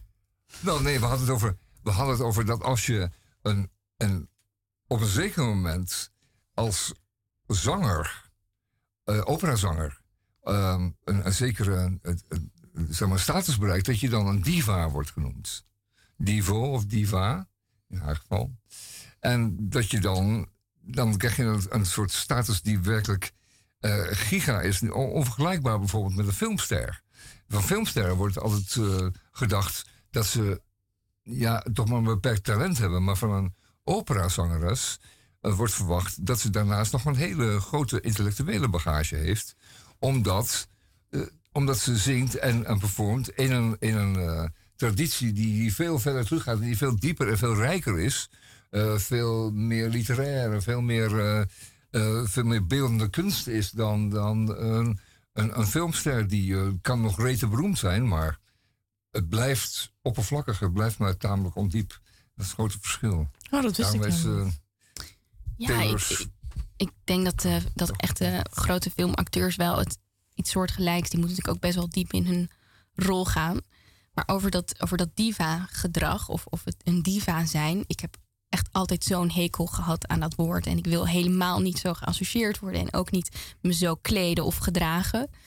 Uh, maar mijn docent heeft wel eens tegen mij gezegd van ja, maar Elisa, soms moet je een beetje een diva zijn. Als er een dirigent is die iets van jou vraagt wat helemaal niet kan, of een regisseur die wil dat je iets onmogelijks doet terwijl je een heel moeilijke passage moet zingen, dan moet je gewoon kunnen zeggen: ja, nee, dat doe ik niet. En dat is dan misschien een diva-actie. Um, maar, maar ja, de wereld is ook wel heel hard, dus je moet ook wel voor jezelf zorgen wat dat betreft. En dan ja, kunnen mensen zeggen: Oh, ze is een diva, want ze doet dit of dat. Ja, dat is dan de negatieve kant van het diva zijn. Maar aan de andere kant is het ook, is het ook de bewondering die daaruit spreekt. Hè? Van, uh, dat is een persoonlijkheid waar wij niet zomaar omheen kunnen. En die heeft een lading en die, heeft een, die brengt ons gevoelens teweeg. En, en die heeft ons uh, doen genieten op een manier waarop niet zomaar iemand live voor jou dat kan en dat doet. Denk je... Uh, nogmaals, een film is. Uh, er wordt over nagedacht van het is een hele grote ster. Maar denk ik altijd, ja, dat is een eenmalige performance ooit is gelukt in, uh, in Hollywood. Maar avond aan avond of een aantal avonden voor jou op het podium uh, een, een publiek begeesteren van, uh, van een paar duizend mensen. Dat is toch volgens mij echt een beetje klein beetje andere koek. Ja. Denk ik dan. Denk je, denk je als je heel lief zou zijn in jouw vak, dat je dan niet ook echt ver zou kunnen komen? Um, ja, het is best wel een, een, uh, een dualiteit. Ik hoorde laatst iemand zeggen, het, het is ook heel erg... Um, je moet eigenlijk een, een olifant, olifant zijn van buiten en een vlinder van binnen. Dus naar buiten toe moet je best wel een dikke huid hebben... en staan voor wat je, wat je nodig hebt. En ook, ook opinies van je af kunnen laten glijden... Maar op het podium moet je wel weer die vlinder zijn. Moet je kwetsbaar zijn en, en je weer openstellen. Uh, want anders kun je niks communiceren met het publiek. Um, dus ja, je moet wel lief zijn in die zin. Of je moet fijn zijn om mee te werken. Dat is denk ik heel belangrijk. Als je niet fijn bent om mee te werken, je bent niet goed voorbereid, je bent niet op tijd, dat soort onbenullige dingen. Ja, dan vragen ze je gewoon niet weer. Zo hard is het wel. Um, maar het is ook goed om wel te, te weten wat je wil en wat je kan. Dat is denk ik wel heel belangrijk. Ik vind dat heel mooi gezegd met die olifant en de vlinder. Maar wat ik me ook wel afvraag, heb jij een keer een moment gehad dat je echt dat je ook van buitenaf kritiek kreeg of, of iets. En dat Oh, je ja. zwart werd gemaakt en dat je echt helemaal door de grond zakte. Ik had één keer een heel raar concert met, met een pianist met wie ik vaak optreed, Katie, Katie Jan Morgan. Ehm, en, en het was ergens in het zuiden van het land, geloof ik, Noord-Brabant. En, eh, en daar hadden ze een concept van dat na het concert kreeg het publiek allemaal een briefje. En daar moesten ze dan op beoordelen hoe goed ze het vonden. Oeh. Dus zeer slecht, slecht. Dat wisten jullie? Dat wisten wij niet. Oh. Of misschien hadden we dat kunnen weten. Ik wist het niet, maar... Ehm, en, en dan werden al die briefjes ook verzameld en moesten ze een cijfer geven en ook commentaar echt in woorden. En dan eh, aan het einde van de, van de dag of later werd dat dan ook eh, bekendgemaakt van wat voor score we dan hadden of zo. Want dan hadden ze dan zeiden van ja, het is ook een competitie met de andere mensen die hier dan komen optreden. Ja, dat waren toen twee concerten op één dag. Nou, dat was, dat was echt niet leuk, want daarmee geef je het publiek echt de vrijheid om zomaar van alles te zeggen. Dus die gingen dat ook persoonlijk zeggen. Er was één man en ik zong, eh, ik zong een, een lied van Poulenc ook weer. Le Chemin de l'Amour. Super mooi lied. En er was één man en die zat zo helemaal met zijn ogen dicht, helemaal mee te deinen. En ik dacht, oh fijn, ik raak deze man. Hij is helemaal in het verhaal en zo. En toen naderhand sprak ik hem en zei ik... oh meneer, ja, de, ik zag dat u heel erg aan het genieten was. Hij zei van ja, ik heb deze plaat vroeger zoveel gedraaid. Dat is mooi. En toen zei hij, ja, je moet nog wel echt aan je Frans werken. Ja, je Frans is echt nog niet zo goed. En toen dacht ik, hè? Dat was zo'n rare ervaring. Maar Mensplenen ook. Sorry. Kijk je dan naar mij, Ron? Ja. nee, grapje. Nooit. Sorry. Nee, dat doe ik ook Nee, niet. En, en ik, vind ook niet, ik vind het ook niet terecht. Ik zou het zelf nooit doen. Nee, ik maak het ook helemaal. Ik weet dat het Alsof, helemaal mijn, niet. als- alsof zijn, zijn Frans dan verondersteld zo heel veel beter is. Het is ook echt zo zeikerig om het te zeggen. Wij zeggen in Amsterdam zeikert dan op zo'n moment. Ja, ja. Terwijl hij wel genoot, hè, want het was aantoonbaar. Dacht ik. Maar Ja, nee, toen viel dat zo. helemaal in het water Ja. voor mij. Nee, nee, maar hij wou gewoon iets onder, niet onderdoen voor jou. Dat is eh, heel erg klein. Kan je dat van je Heel afschudden dan? Nou, ik had toen wel, we zaten toen in de trein terug, toen hebben we daar wel nog over gepraat. Ik heb ook nog even mijn moeder gebeld. En toen daarna ging ik wel iets drinken met vrienden, hebben we het er ook nog over gehad. Ja, dat moet je dan toch even processen wel. Want, want je bent wel echt kwetsbaar op dat podium. Ja. Dat is zo. En als mensen dan zomaar zoiets zeggen, dat, ja, dat, dat raakt je wel. Omdat je je zo openstelt, komt Lijkt me dat ook binnen. verschrikkelijk. Lijkt me verschrikkelijk. Maar dat, dit ook- was ook heel raar hoor. Meestal gebeurt het Ja. helemaal niet. Heb je ook, daar hadden we het net even op de wc over. Ehm, Of het dames toilet. de dames toilet is altijd een hele interessante gesprekken daar. goede gesprekken. Ja. Ehm, nou, over hoe, hoe dat is soms als je even je dag niet hebt. En, Ja. dan, en dan moet optreden. En dat je, dat, je, dat je gewoon echt door stomme dingen, persoonlijke dingen heen gaat. En dan moet je gaan optreden. Ja, ja dat, is, dat is gek. Maar op een of andere manier lukt, ja, lukt dat wel altijd. Het is ook een soort... Ja, je bereidt je altijd voor op zo'n concert. Een paar uur van tevoren. Of zeker of de hele dag van tevoren. Ehm, het is zo'n mentale toespitsing. Eigenlijk wel ook vergelijkbaar, denk ik, met wanneer je topsport doet. Dat je zo heel erg op dat moment gefocust bent. Zeker als het een wat groter concert is. Dus je deelt je dag daarop in. En ook als je je dan niet goed voelt, dan... Ook weer anders, want topsport, daar hoef je emotie niet eens te stoppen. Nee, maar het, het zingen is ook niet Wel? Ja, nee, maar anders. Want Ja, je moet je focussen. Nee, maar dat is anders. Je hoeft niet zeg maar je kwetsbaar op te stellen Ja, of maar je zo. bent professional. Je, alles, alles focus je op dat, dat nee, maar als je zang, je een operazanger is zo. Voor een wielrenner, dat is zo keihard als voor een operazangeres. Er moet, er moet op dat moment moet er worden... Ja, maar worden- operazangeres moet iemand raken met haar stem. Ja, en, dat en, en, is- en, en kwetsbaar, ontzettend kwetsbaar opst- opstellen. Want anders raak je de mensen niet. Een topsporter die Nou, moet gewoon. Ja, ik snap dat jij dit denkt. Het is heel Oh. goed dat jij dit denkt. Want Oh. dit is precies wat ik wil dat jij denkt, natuurlijk. Ah, maar, maar het is niet ook zo. techniek, natuurlijk. Ah. Dus ik weet, als ik dit wil bereiken bij de mensen... dan doe ik net hier een beetje zo. Of dan geef ik net iets meer Ah. adem. Of dan doe ik Je net... doet alsof. Nou, ik doe niet alsof, maar ik weet gewoon heel goed welke tools er zijn. Mijn, mijn, eerste do- nee, mijn tweede zangdocent, dat is Claudia Pataka. Bij haar had ik les in Zwolle. Zei altijd, de mensen moeten huilen, niet jij. Dus op het podium ben je gewoon aan het werk. Ergens. Nou, dan vind ik het echt Ja, veel minder leuk. Ik, ik prik nu echt jouw zo door, sorry. Oh, Ja, ik ga er dan Ja, helemaal in als ik er zie zingen. Dan denk Ja, ik, toch wat een helemaal emotie gelukt. Dat is stopt precies de bedoeling. Ja, Ja. ik ben eigenlijk wel blij. Ja, dat zou ik ook zijn. dat, is jou, dat is helemaal goed gelukt. Ja. En dat is de professionele Elisa dan, die jou dat eh, eh, het, teweeg brengt. En, Ja. Dat is haar vak. Dat is haar vak. Ja. Maar vind je dat soms ook niet een beetje jammer? Nee, dat vind ik heerlijk. Dan Ja? heb ik dus de controle op het podium. Ja, nee, maar in de zin van, het is nu je vak geworden. Dus het is niet meer... ehm, het is niet meer hoe je natuurlijk begon, denk ik dan, met zingen. Nee, Want als maar je... ook wel. Ook wel. Ja, ik, ik weet nog wel, het was coronatijd en toen zat ik thuis weer bij mijn ouders. En dat, ja, toen ging het niet zo goed met mij. Toen vond ik het echt vreselijk, want ik vind het zo fijn om onder de mensen te zijn. En ik was net in Amsterdam en toen moest ik weer terug naar het stomme Emmeloord, vond ik toen. En toen had ik mijn eh, zangdocent opgebeld en die zei van... Weet je Elisa, dan word je toch een paar maanden later zangeres. Komt helemaal goed. Ga gewoon weer zingen zoals je begonnen bent. Ga weer onder de douche zingen. Of als je aan het, weet ik wat, schoonmaken bent of zo. Toen dacht ik, oh, dat is zo fijn. Gewoon... En, en dat is zingen voor mij heel erg. Het is, het is en mijn werk, maar het is ook mijn passie. En het is een lekkere routine. En het is een manier om te communiceren. Het is een manier om samen te werken. Het is een manier om vrienden te maken. Ja, het is voor mij wel meer dan één ding. Ja, maar je gaat niet zomaar bij de radio even zing opera zingen. Dat doe je niet. Nee, dat ga ik nu niet doen. Nee. Nee, maar daar is ook een goede reden voor. Ja, omdat ik, omdat ik nu wel op een punt ben dat, dat als ik iets, iets doe voor publiek, waar dan ook, dan, dan moet het ook van een bepaald niveau zijn. Want ik ben afgestudeerd. Ja. Dus dan is het gelijk, gelijk professioneel. Gelijk. Ja, maar bijvoorbeeld vorige week was ik in Berlijn met wat vrienden. En toen gingen we barbecuen bij, bij een vriendin die dus uit Berlijn komt.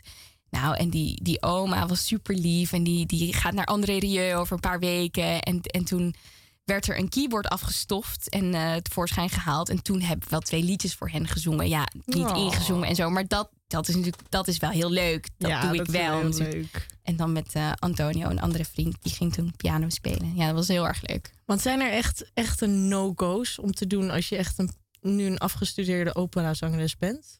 Wordt dat, wordt dat je meegegeven van het conservatorium? Dat, je, dat ze zeggen, ik zou dit echt niet doen? Heb je een soort van... Mm.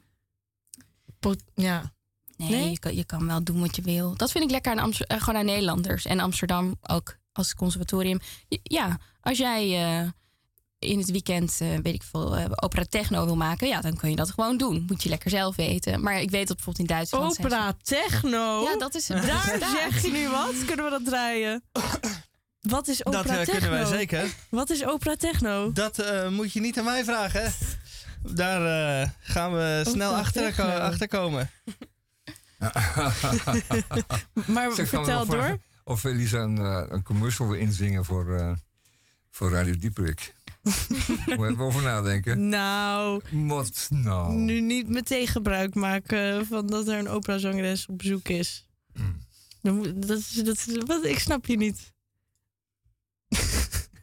maar je was nog iets aan het vertellen over, over eh, dat je... Oh ja, dat in Duitsland zijn ze wel iets strenger. En ook, ehm, ja, je hebt, je hebt ook, ja, de, binnen de zangwereld heb je dan verschillende stemvakken. En als je dan die, dat stemvak bent, dan moet je die rollen juist wel zingen of die juist niet. En dan, ik ben dan een sopraan. Ja, dat is dan eigenlijk niet echt de bedoeling dat ik dan mezzo-repertoire ga zingen. Dus het repertoire dat voor een mezzo-sopraan is. Terwijl mijn stem zou dat prima kunnen eigenlijk. Dus dat is dan een beetje soms een beetje flauw of zo. En zonde ook. Ja, maar het is ook wel weer functioneel. Want ja, eh, ja, met een stem kan je ook soms een beetje kiezen van eh, welk deel van mijn stem ga ik meer ontwikkelen. Ga ik meer de bovenkant ontwikkelen of ga ik juist heel erg in die borststem zitten?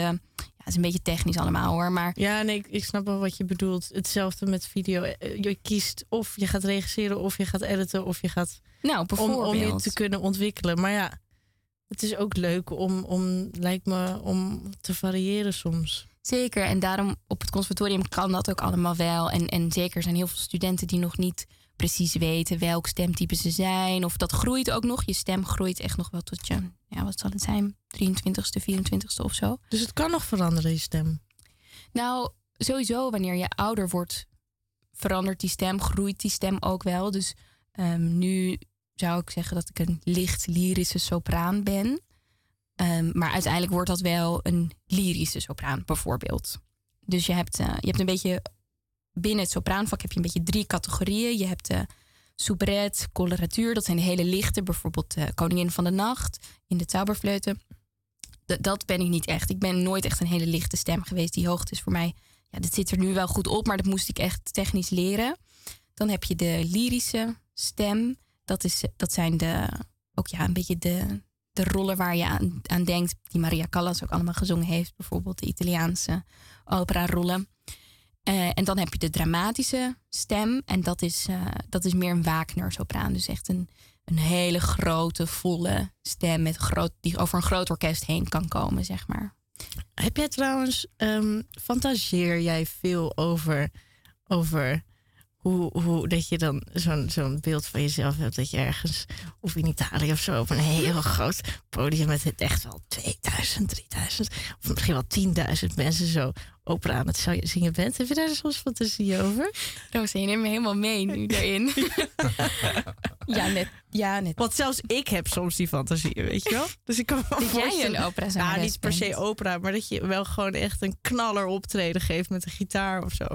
Oh ja, dan Ja. ga jij met de gitaar. Ja, maar heb je niet soms van die fantasieën dat je echt heel, heel erg gaat doordenken van... Oeh, ik zou dit wel wel... Ja, natuurlijk wel. Daar droom, ik, daar droom ik wel van. Eh, Dus ik was vorige week bijvoorbeeld in Berlijn en dan gingen we ook naar de Staatsoper. En dan denk je wel, oh ja, en dan, dan aan het eind gaan ze zo buigen. Of, of tijdens een heel mooi moment, tijdens een aria. Of dan ken je de aria en denk je, oh ja, ik zou dat ook zo graag gewoon op een dag op dit podium willen zingen.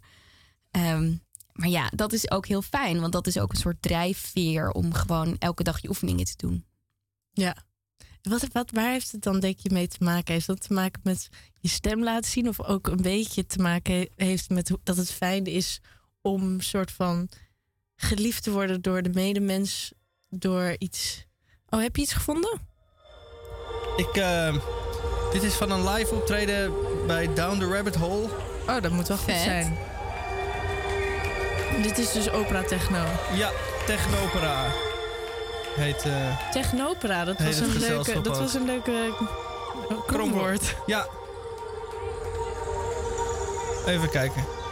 Weet je, het opbouwende... Ja, dat duurt altijd een half uur. Ik kan dit helaas niet doorspoelen. Oh. Oh, ik kan het wel pauze zetten.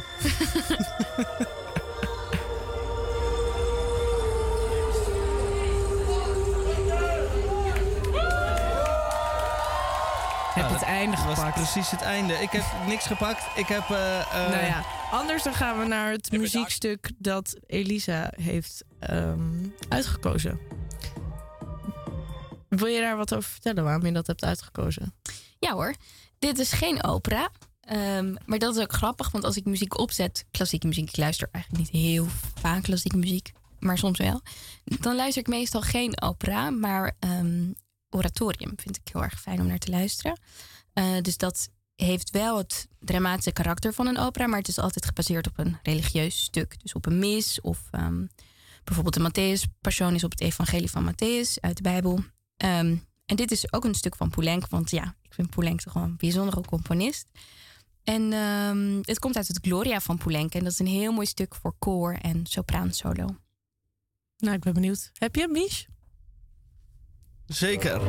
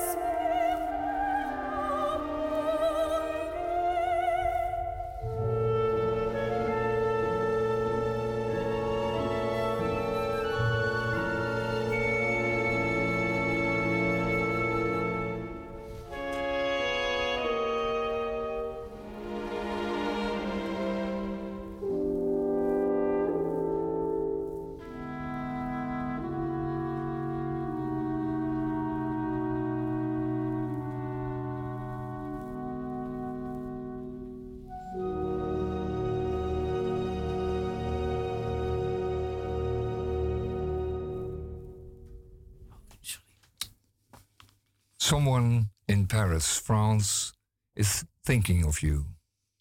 This poem is happening in Paris, France, where it's raining and we're all so drunk that it's impossible to keep a secret. Every morning, the waiter say bonjour, and every morning I drink my coffee with a kind of American sadness. They started saying hello. Hello, beautiful man. I never have on Rue Charlot. Hello, woman smoking by the Seine and closing her eyes between drags.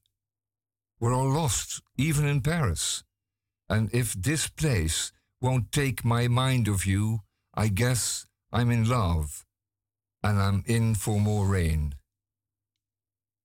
You are the man on Rue Charlot, somewhere in Brooklyn, peeling an orange and thinking of buying a suit. I would like to be an orange in that suit.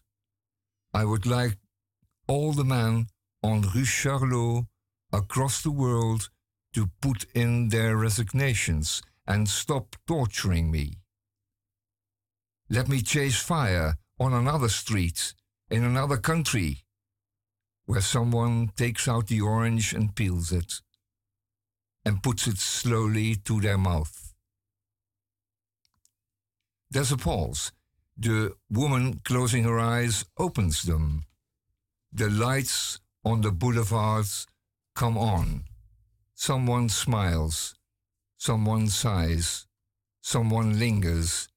Someone in Paris, France, is thinking of you. Nou, dat was een mooi gedicht, Tamon. Eh, we zitten hier vandaag met Elisa. Hallo. En Elisa is operazangeres, een jonge operazangeres. En ze is net afgestudeerd van het conservatorium. En ik had het net even met Elisa over haar guilty, guilty pleasure muziek. Want eerst had ze gezegd een heel mooi klassiek nummer. Ik ben alweer de naam vergeten. Ik vergeet ook altijd de namen. Wat was het ook weer? Het was een deel uit het Gloria van Poulenc. Oh ja, ja.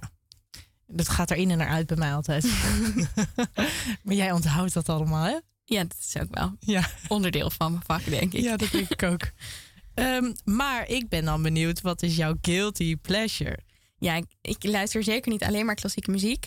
En mijn guilty pleasure is, eh, wel een beetje raar eigenlijk, maar is het Duitse rap. Vind ik super leuk om naar te luisteren. Ja, dat vind ik nou echt een topantwoord. Laten we dit gaan luisteren. Ik ben benieuwd.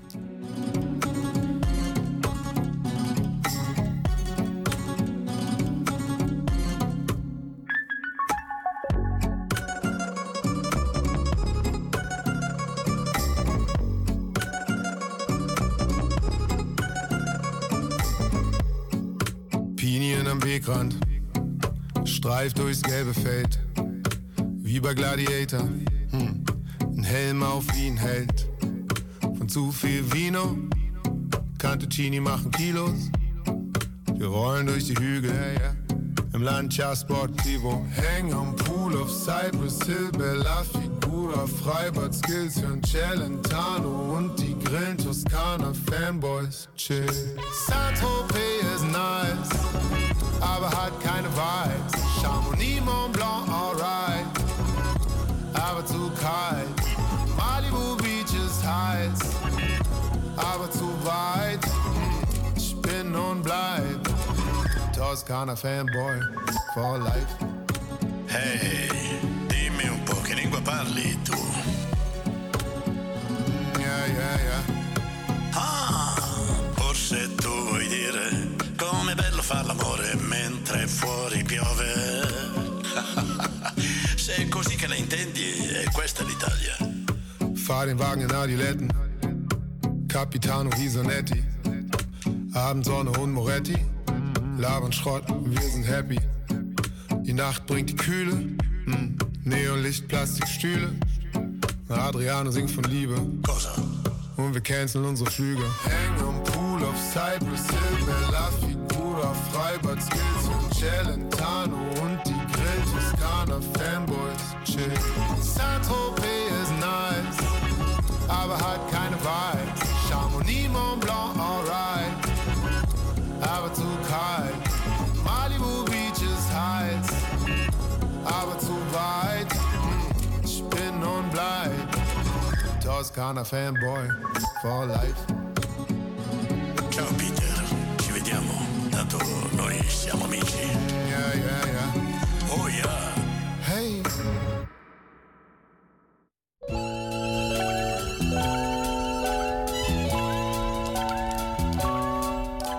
U hoort het al aan het muziekje. Het herkenningsmuziekje, de Krompraat, is weer om de hoek. Eh, de tweede, eh, het tweede gedeelte van de Krompraat van deze uitzending. En dit is een speciale opera-editie. En dat is natuurlijk eh, niet eh, voor niks. Want eh, onze gast van de week heeft al heel veel over opera verteld. En wij kunnen natuurlijk nooit een gast van de week laten gaan zonder dat zij ook een duit in het krompraatzakje gedaan heeft. Als zij zich daar toegeroepen voelt. Als ze denkt, hé. Hey. En omdat zij nog met een heel groot vraagteken boven de hoofd zit van hoe het allemaal werkt. en krijgt zij van eh, ons even een praktijkvoorbeeld. Ik heb hier vier woorden. Ehm, Gooi ze maar. zal ik ze alle vier eh, erin gooien? Ja. Dat is eh, parodiva. Parodiva. En dan heb je Ja, nog... die wil, Ja? wil ik. Oké. Dan hebben wij eh lofzangles Lofzang. en eh sopraan gebrand. Dat is een beetje een, eh, een vergezocht, hè? Sopraan gebrand. En heb ik ook nog goedkopera. Oeh. Oeh. Maar wacht even, heb je die ook van Elisa zit hier tussen? Ja. Hoor, Oké. Heb jij een woord gehoord waarvan je denkt... Daar... eh, Ik, ik weet Kan ik wat, wat dat mee? betekent. Daar gaat het om. Dat je een woord hoort waarvan je denkt... oh, ik weet gewoon wat dat betekent. Ah, dus het is een bedacht woord, maar dan toch niet. Ja. Ja, het is een bedachte. Het is een, eh, twee woorden die samen een nieuw woord voegen. En de luisteraar thuis is heel benieuwd wat die woorden nou betekenen. Ik snap het. En doe wij jij gaan anders, ze dat doe jij vertellen. anders eentje gewoon voor? Ehm, ja, dat is goed. Dan moet ik heel eh, snel eh, denken. Of Tamon heeft er al eentje klaar. Ik zie hem denken. Goedkopera. Kijk. Ehm, opera is natuurlijk een, eh, een kunstvorm waarbij je, die je geniet in een prachtige zaal. Akoestisch helemaal voor elkaar is. Prachtig klassieke omgeving. Mensen kleden zich buitengewoon mooi voordat ze naar opera gaan. Het is een, eh, een bijna elitaire gelegenheid om, eh, om, om kunst te genieten. Maar opera is natuurlijk ook altijd des volks geweest. Het zingen is namelijk iets wat zonder een instrument kan geschieden. En iedereen kan in principe en mag zingen ook al. Het is in de, bij ons in eigen, onze eigen Jordaan altijd zo geweest... dat eh, er iemand een eh, plaat opzette in een, raam, een raamopening... en dat de hele straat meezong. En dat eh, kon van alles. Er waren enorm veel liefhebbers voor. Mensen zongen zomaar voor zichzelf tijdens het schilderen van een kozijn. Een stuk uit een geliefde opera. Het was een, eh, laten we zeggen, een eh, tamelijk democratische kunstvorm in die zin. En om dat nou opera te noemen, gaat misschien wat ver, maar veel hoeft het zingen niet te kosten. Behalve dan een eh, goede stemming. Oké, zal ik de volgende doen? Ik denk dat ik het snap. Ja, top. Leuk. Oké, sopraan gebrand. Dat is een ehm, sopraan die eh, keiharde ruzie schopt met de tenor, die obviously meer betaald krijgt dan zij.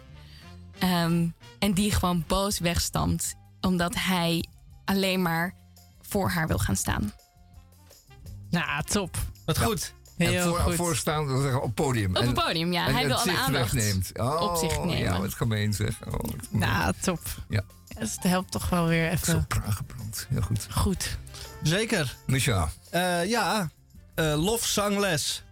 Ehm, en dit eh, kan ik uit ervaring spreken, want ik heb eh, sinds kort lofzangles. Oeh. En dat heb ik omdat eh, ik niet zo goed ben in complimenten geven en iets aardigs tegen iemand zeggen. Of wat je nou iemand, van iemand vindt. Oh, hè, als je er iets eh, eh, eh, negatiefs, dat vloep ik er wel uit. En op de fiets scheld ik ongeveer in bijna in een ritme, iedereen om me heen, de hele tijd verrot. Maar als ik dan bij iemand ben en ik denk: hé, hey, wat heb jij een mooie bril? En ik wil dat zeggen, dan zeg ik. "Eh, mooi." En dan komt het er gewoon niet op de juiste manier uit. En daar eh, wil ik wat aan doen. En daar doe ik nu dus wat aan. Want namelijk lofzangles. En dan krijg ik gewoon eh, geleerd dat ik eh, ook dezelfde energie die ik op de fiets gebruik om tegen iemand te zeggen dat, hij, dat ik hem een ziekte toewens en dat hij aan de kant moet, dat ik die energie ook kan gebruiken in positieve zin door tegen iemand te zeggen: Wat zie jij er fantastisch uit vandaag? En ik ben blij dat je hier bent. Fantastisch, ja, fantastisch. Zouden meer mensen top. moeten doen dit. Helemaal top. Ja, ja, lofzangles nemen. Die neem maar eens een beetje lofzangles. Nou, Goed, Rosa, dan hebben we nog Parodiva. over. Parodiva, ja. Nou, je kent het toch wel, de Kim Kardashians. Je, je hebt altijd die eh, reality tv-shows, maar je hebt het ook in opera. Namelijk eh, diva's. Die met elkaar ruzieën en eh bitchclaps geven aan elkaar. Misschien in opera gaat het niet zo heftig toe, bij de Kim Kardashians wel. Ehm, maar wat een parodiva is, is daar een parodie op. Dus als diva's. ehm, eigenlijk zie je dat vooral in reality show. ehm, dat, dat, dat, dat, dat ze er een grapje van maken. Dus dat als, als, als er. Nee, sorry, ik weet het echt niet. Dank Roos. Bedankt voor je, Je kostelijke goed bijdrage. op weg. Ja, je leek goed op weg. strand ergens ik denk, halverwege. Komt, er komt, er komt. En, Het was, ik, had, ik was veel te veel goed te aan het luisteren op jullie antwoorden. En ik was helemaal niet bezig dat ik ook nog aan de beurt maar was. wa- waar is het dan de samentrekking van? Van Van parodie? parodie en een diva. Ja, nou ja, dan heb je hem toch wel. Ja, nou, Nou dan. ja. Nou, daar is die. Een parodiva is. eh, nou, Tamon die heeft even al uitgelegd wat je eh, moet bereiken om eh, de titel diva te mogen eh, dragen. Eh, gevierd eh, opera, zanger en dan ook nog intellectuele bagage. Eh, nou zijn er een hele hoop mensen die eh, nog intellectuele bagage, nog enig eh, muzikaal talent op welk gebied dan ook hebben, maar zich wel gedragen als een diva. En dat zijn natuurlijk, dat is dan een parodiva. Want Ah, eigenlijk maak je jezelf belachelijk door je op een eh, voetstuk te zetten. Dat is mooi, Ja. Misha. Ja, Snap Ja, ja, ik snap hem. ik was iets te veel afgeleid, sorry. maar nu, nu, nu heeft Misha mogen shi- shinen. ja. Kwijt, kwijt. Over uh, Shine gesproken, we zijn aan het einde gekomen van het tweede uur van Radio Dieperik. Het eh, time flies, uh, vooral als je... When you're having fun. En, we eindigen, nou weet ik niet helemaal zeker of we met Elvis zullen eindigen, maar volgens mij heeft Elvis nooit gezongen in een eh, opera. Het zou me Nee. verbazen. We gaan toch wel met Elvis eindigen? We eindigen alsjeblieft wel. altijd met Elvis. Ja, Ja. ik ga zoek een eh, eh, toepasselijk liedje. We hadden deze week een hele fijne gast. Dankjewel voor je aanwezigheid, Elisa. En we ja, zijn wat heel wat, eh, praat je makkelijk? En we Oh, zijn we heel wat opgestoken van, eh van de opname. Leuk. En we hopen hier natuurlijk nog veel van je te horen. En misschien nog wel eens terug te komen, wie weet. Ja, dat, Dat, je, leuk zijn. dat, dat we toch heel nederig kunnen vragen van... Lisa, kom je nog één het keertje hele kleine? Ja, radiozendertje zo. onze kortone studio om eens wat te vertellen hoe het met je gaat. Leuk, dat zou ik Fijn heel je leuk er vinden. was. Dankjewel. We hebben niet al te veel eh, opera zelf gedraaid deze, dit tweede uur, maar u begrijpt het wel. En wellicht is het een mooie gelegenheid om eens een, eh, een kaartje te kopen voor de opera. Inderdaad, dus, is er eh, iets leuks waar je gaat optreden? Ehm, nu in de zomer ligt het eh, stil, ook voor de Nationale Opera. Maar het volgende seizoen wordt heel mooi, denk ik, bij de Nationale Opera. En ehm, ik zelf ga in januari en in juli met de Opera Academie optreden. Maar dat is in Den Haag. Oh, leuk. in Ja, in Amare. Amare. Dat kunnen wij wel eh, bereiken. Dat Ja. Den Haag. We Er is een moeten- treinverbinding, We moeten ja. wel een beetje sparen, maar laten we dat nou eens doen. Eh, dit najaar gaat Ja. het operaseizoen weer beginnen. Ook hier in Amsterdam hebben we tenslotte een prachtige zaal. En eh, daar worden prachtige opera's geanceneerd Ja, en en gezongen. als je, dus, en als eh, je net, zo, net zoals mij had en je dacht, opera is niet helemaal ding, mijn ding, laat je la- dan lekker Laat je toveren overtuigen. door, Ja, door je Elisa. voilà, Want dat Of werkt. door het, wat, er, wat je op toneel ziet. Je bent vast overtuigd een keer. Goed, ehm zei je Elvis? Dit is Elvis. Hey. En eh, wij danken onze gast van de week nogmaals. Elisa, dankjewel dat je was. Yes. En ik dank mijn eh eh, eh, eh, companen eh, Rosa en Tamon. Jullie ook bedankt. En ik wens iedereen een fijn weekend. En tot volgende week. Oh, oh wacht eens nog even. Het is over het IJsfestival. Over het, IJ begin, Over het Ja, IJsfestival. begint vanmiddag. Oh, over het ja. IJsfestival. Veel eh, theater op, Oh, ja. Eh, begint vanavond en eh, zaterdag, zondag en de hele week daarna. Tot en met eh, volgende week zaterdag. Allerlei eh, te doen daar.